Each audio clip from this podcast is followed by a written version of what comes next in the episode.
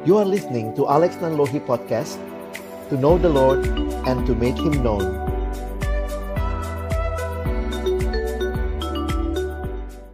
Bapa di dalam surga, kami mengucap syukur, berterima kasih buat kesempatan. Boleh sama-sama beribadah kepadamu di dalam menaikkan juga segala doa-doa kami. Terima kasih untuk perjalanan task force yang Tuhan sertai hingga saat ini dan ke depan kami pun terus berserah kepada Tuhan. Kami akan membuka firman-Mu, bukalah juga hati kami. Jadikanlah hati kami seperti tanah yang baik, supaya ketika benih firman-Mu ditaburkan boleh sungguh-sungguh berakar, bertumbuh dan berbuah nyata dalam hidup kami. Berkati hambamu yang menyampaikan setiap kami yang mendengar, Tuhan tolong. Agar kami pada akhirnya bukan cuma jadi pendengar-pendengar firman yang setia, tapi mampukan dengan kuasa dan pertolongan dari rohmu yang kudus, kami dimampukan menjadi pelaku-pelaku firmanmu di dalam kehidupan kami. Bersabdalah ya Tuhan, di dalam nama Tuhan kami Yesus Kristus Sang Firman yang hidup kami menyerahkan pemberitaan firman-Mu. Amin. Shalom.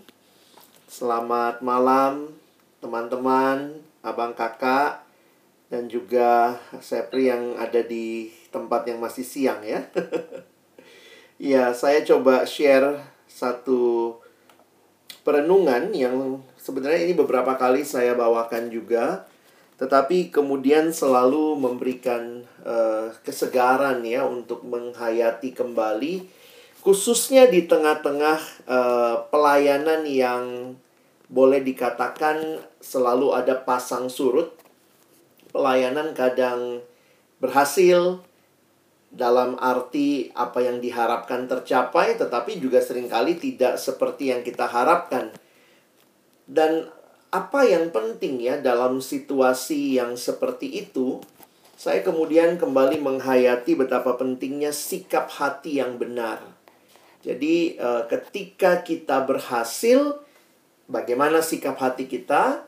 Ketika kita gagal pun, bagaimana sikap hati kita? Begitu saya pikir, di situlah sebenarnya kunci mengerti pelayanan yang berhasil ketika ada sebuah um, attitude atau mungkin boleh pakai istilah apa ya sekarang banyak pakai istilah posture ya sikap hati yang yang tepat jadi karena uh, kita gampang sekali terlena dengan berhasil atau gagal, tetapi bagaimana the right posture yang perlu kita miliki untuk kita juga bisa terus dipakai Tuhan tentunya ya dalam pelayanan-pelayanan selanjutnya.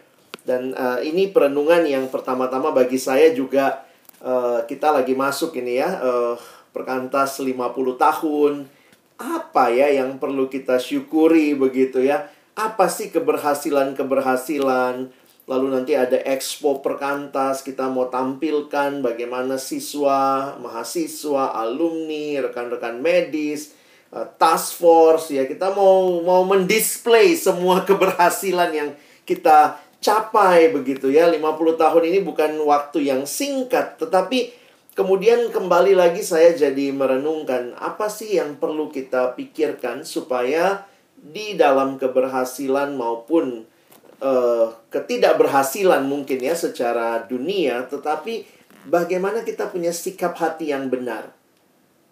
Nah, bagian firman Tuhan uh, yang kita renungkan malam hari ini juga saya uh, terinspirasi dari buku sahabat saya Profesor Senjaya waktu dia menuliskan tentang jadilah pemimpin demi Kristus.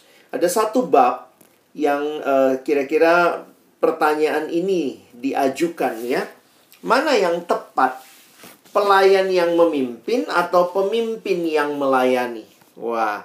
Jadi jujur aja bagi saya ini bukan cuma masalah istilah. Kalau istilah sih sebenarnya ya kadang-kadang orang Kristen kita pakai istilah campur-campur begitu ya. Tetapi saya ingin mengajak kita melihat masalah sikap hati lebih utama. Markus 10, 42, 45 sampai 45 menjadi landasan untuk memahami uh, tema yang saya angkat malam hari ini.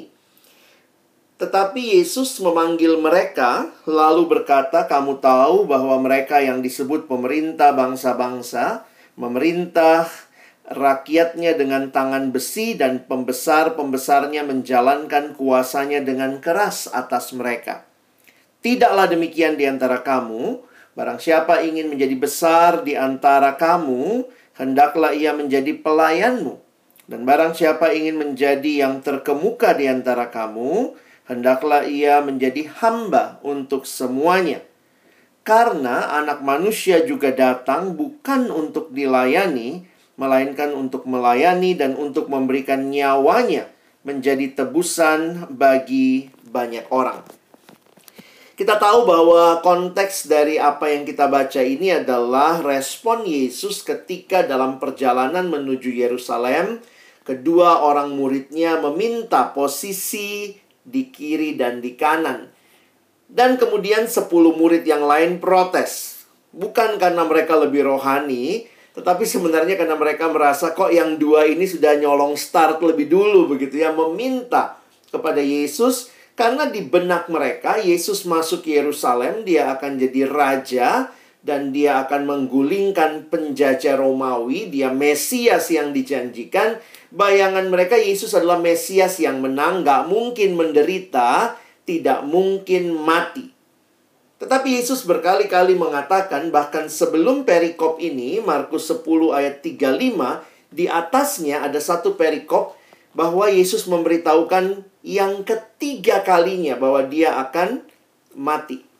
Tetapi dia akan bangkit pada hari yang ketiga yang ada di benak muridnya bukanlah apa yang Yesus katakan, tetapi bagaimana mereka nanti kalau masuk ke Yerusalem, mereka akan duduk di kiri dan kanan Yesus. Lalu karena itulah Yesus mengajarkan tentang bagian ini. Jadi, kita coba refleksikan ya dalam konteks kehadiran kita ya. Saya mengutip kalimat dari buku Profesor Senjaya, dia mengatakan banyak orang menganggap dirinya sebagai seorang pemimpin Kristen, baik di kantor, organisasi, di rumah, ataupun gereja. Meskipun konsep dan aksi kepemimpinan mereka sangat berbeda dengan konsep dan aksi kepemimpinan yang pernah diajarkan dan didemonstrasikan oleh Yesus Kristus. Mari kita lihat sedikit lagi ayatnya. Kalau kita perhatikan, Yesus mengkontraskan tentang bagaimana murid-muridnya harusnya melihat apa yang dunia kejar bukan seperti itu yang harus mereka kejar. Ayat 42, Yesus memanggil mereka lalu kemudian bicara ada konteks di sini ya. Pemerintah bangsa-bangsa yang memerintah dengan tangan besi dan pembesar-pembesarnya menjalankan kuasa. Jadi ada masalah authority, power dengan keras atas mereka. Lalu dikatakan tidaklah demikian di antara kamu. Jadi Yesus mengkontraskan dengan kepemimpinan duniawi yang otoriter dan menyalahgunakan kuasa. Nah, tapi hal yang menarik bagi saya adalah kalimat di ayat 43 dan 44. Tuhan Yesus ternyata tidak melarang murid-muridnya menjadi besar. Perhatikan kalimat ini. Barang siapa ingin menjadi besar di antara kamu, jadi silahkan jadi besar begitu ya dalam arti menjadi berpengaruh, memberi dampak gitu ya atau dalam bahasa kita ya sukses, banyak keberhasilan.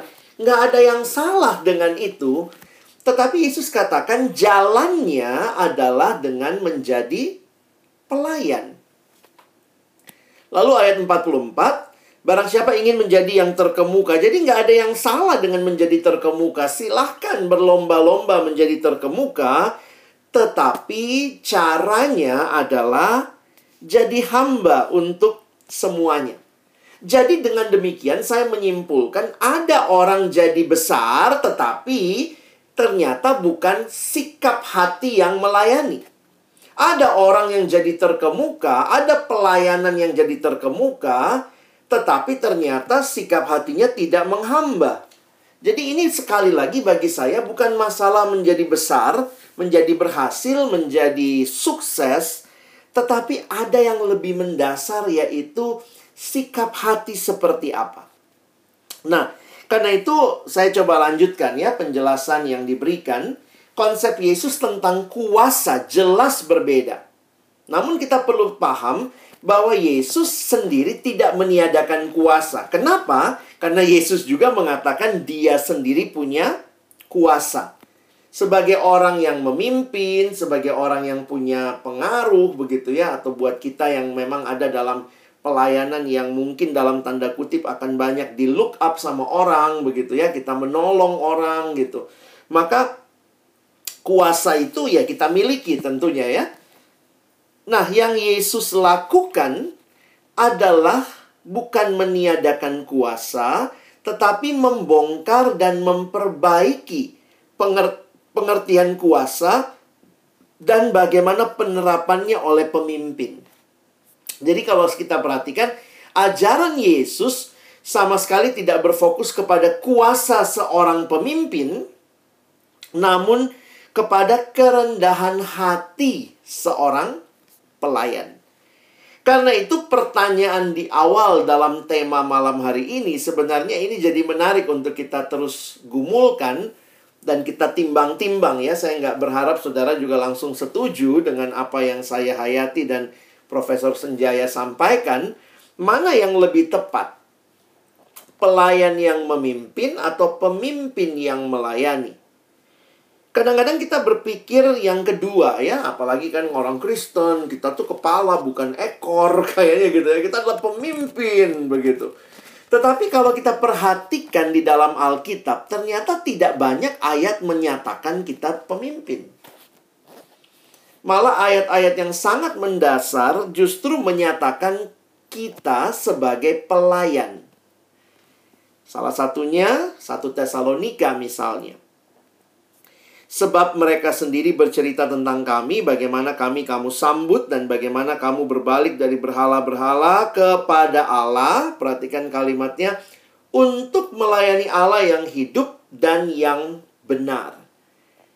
Paulus waktu itu coba share tentang bagaimana jemaat Tesalonika menyambut dia dan bagaimana pertobatan jemaat Tesalonika dari yang tadinya menyembah berhala sekarang mulainya menyembah Allah dan di sini dipakai istilah melayani Allah yang hidup dan yang benar. Jadi kalau saya perhatikan dari ayat ini bahwa setiap kita yang diselamatkan kita itu statusnya pelayannya Allah. Jadi pelayanan itu bukan bicara about doing at the first place. Tapi pelayanan berbicara tentang being kita. Setiap yang sudah diselamatkan ya kita pelayan Tuhan. Jadi kalau bicara tugas, tanggung jawab, job description, struktur itu adalah sesuatu untuk mengefektifkan pelayanan. Tetapi pelayanan itu adalah being kita kita itu adalah pelayan karena kita sudah diselamatkan, tadinya menyembah berhala, sekarang kita menyembah Allah. Kita tuh pelayan. Makanya saya sering kali mengatakan begini, ya nggak usah lah gumulkan pelayanan. Mana kadang-kadang kita suka sok gitu ya gumulin pelayanan. Mau cari ayat apa sih di Alkitab? E, Janganlah melayaniku. Nggak ada gitu ya. Itu melekat pada diri kita. Makanya ya jelas yang digumulkan itu adalah yang digumulkan itu periodenya. Berapa lama, pelayanannya sebagai apa, tanggung jawabnya bagaimana, nanti bisa bagi waktu atau tidak. Jadi jangan menggumulkan yang sudah jelas. Yang yang kita gumulkan adalah hal-hal yang kita harus timbang-timbang ya dalam arti uh, praktek lapangannya kira-kira seperti itu. Dan sikap yang perlu juga kita miliki adalah sadari betul karena kita adalah pelayan Tuhan, maka kalimat ini jadi penting saudara dan saya, kita mungkin mantan pengurus. Tetapi selama kita hidup, kita belum pernah jadi mantan pelayan. Karena itu melekat pada diri kita. Sehingga saya nggak tahu kalau selesai task force ini, entah gabung nanti ke PMDN, apakah saudara masih akan melayani di, di kepengurusan task force sebagai sebuah tim, atau ada yang udah selesailah di task force, saya mungkin ada panggilan lain. Bahkan itu harus kita hayati bahwa kalau kita selesai sebuah kepengurusan maka pertanyaannya harusnya Tuhan saya melayani di mana lagi? Kira-kira gitu ya kenapa itu adalah sesuatu sikap dan hidup yang melekat pada kita pada being kita Nah, jadi nah ini ini di sini uh, titik-titik uh, pemahamannya yang saya pikir perlu kita kritisi ya. Pemimpin pelayan, servant leader gitu ya. Itu sebenarnya bukanlah pemimpin yang melayani. Jadi bukannya status dasarnya pemimpin lalu melayani.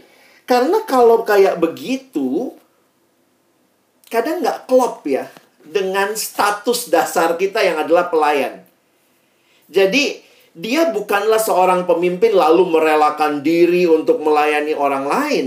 Namun ia pertama-tama adalah seorang pelayan, seorang hamba Allah, lalu terpanggil untuk memimpin. Makanya ada ayat bilang gini ya, Saudara-saudara, memang kamu telah dipanggil untuk merdeka, tetapi janganlah kamu pergunakan kemerdekaan itu sebagai kesempatan untuk kehidupan dalam dosa. Melainkan layanilah seorang akan yang lain oleh kasih. Galatia 5 ayat 13. Uh, teman-teman yang dikasihi Tuhan memang gak gampang tuh ya mengerti servant leadership ya. Jadi dia bukannya pemimpin lalu sok turun begitu. Saya kasih contoh. Jadi saya uh, dulu pelayanan di mahasiswa dan uh, mendampingi persekutuan wilayah. Kami biasanya pinjam gereja di Persekutuan Mahasiswa Kristen Jakarta Selatan. Kami pinjam gereja di sana dan biasanya eh, pengurus-pengurus mahasiswa itu kan uh, akan datang gitu ya, pengurus untuk beres-beres ruangan. Jadi kita datang sejam sebelumnya kita beres ruangan dan segala macam. Nah, satu waktu saya sebagai staf pendamping saya datang lebih dulu saya datang lebih dulu lalu kemudian kok ternyata teman-teman lagi ujian U, kayaknya U, UTS atau apa jadi pada terlambat datang pengurusnya. Saya lihat ruangan gerejanya kayaknya habis dipakai nggak sempet disapu ada beberapa tisu jadi saya kemudian ambil sapu lah ya udah sapu saya bantuin gitu ya saya beres-beres. Waktu itu saya cuma sendiri gitu Lalu kemudian datanglah pengurus. Wah, waktu pengurus datang langsung, "Ih, abang, abang, jangan, jangan, jangan, jangan abang nyapu gitu." Kenapa? Abang kan staff. Maksudnya, kesannya kayak staff nggak boleh nyapu gitu ya. Jadi itu bagian yang kita nggak boleh lakukan. Jadi, di situ saya jadi sadar gitu ya. Kalau saya juga punya sikap hati, saya ini staff, saya ini pemimpin, kamu mahasiswa yang saya pimpin. Lalu kemudian saya turun melayani jadi kayaknya saya itu harusnya nggak nyapu. Tapi lihat ya, saya nyapu. Nah itu bisa sangat mudah mencari pujian bagi diri. Kamu tahu saya siapa?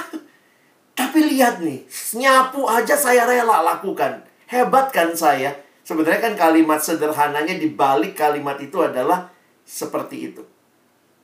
Jadi kadang-kadang kalau kita terlalu merasa diri pemimpin dan ternyata itulah yang dunia tawarkan kepada kita dengan semua posisi, status, jabatan di berbagai tempat, maka hati-hati ketika kita sukses, jangan-jangan sikap hati kita bukan sikap hati yang melayani. Sikap hati kita bukan sikap hati yang menghamba, tetapi sikap hati yang sedang berkata, tuh kan, kalau nggak ada saya nggak jalan semua ini. Saya itu hebat loh, tinggi posisinya tapi rela turun buat kamu begitu. Dan teman-teman itu bagi saya jadi sangat-sangat menakutkan berbicara tentang servant leadership. Karena jangan-jangan kita sedang berbicara betapa luar biasanya aku yang rela turun melayani. Makin saya renungkan, saya makin sadar.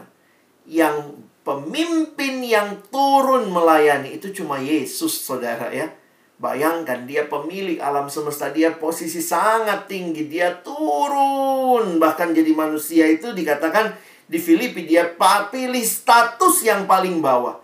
Jadi turun turun turun turun. Nah, kita kadang-kadang ya dengan bertambahnya usia, bertambahnya tanggung jawab, apalagi kalau anak Tuhan kerjanya mungkin bagus, integritas, secara posisi kita bisa makin naik tuh di kerjaan, di kantor, di pelayanan juga gitu ya, makin naik, makin naik, makin naik.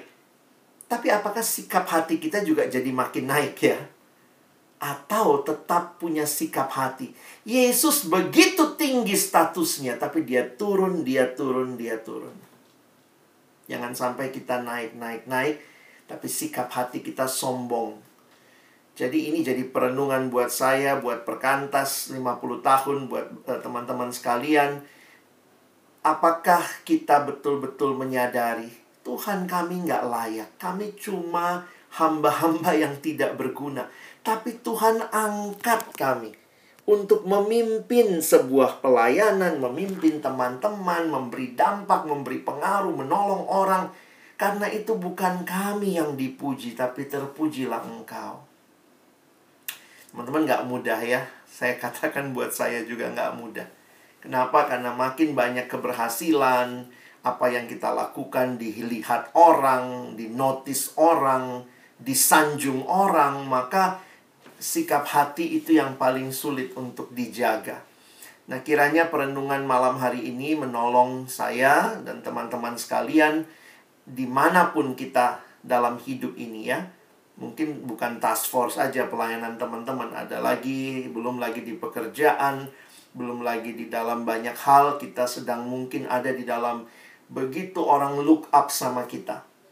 Tapi apakah kita terus punya sikap hati yang menghamba? Nah, ini yang kita perlu jaga. Ketika dalam struktur memang jadi lucu ya, nggak mungkin kan strukturnya itu ketua paling bawah ya. Atau pemimpin paling bawah. Kalau struktur kita kan selalu pemimpin tuh paling atas. Ya, kayak sekarang nih uh, saya bakal lanjut lagi jadi wakil sekjen. Wah kayaknya tinggi ya. Tapi waktu lihat ke bawah wah di bawah saya kesannya ada sekian banyak lalu ada 200 staff ada sekian ratus board.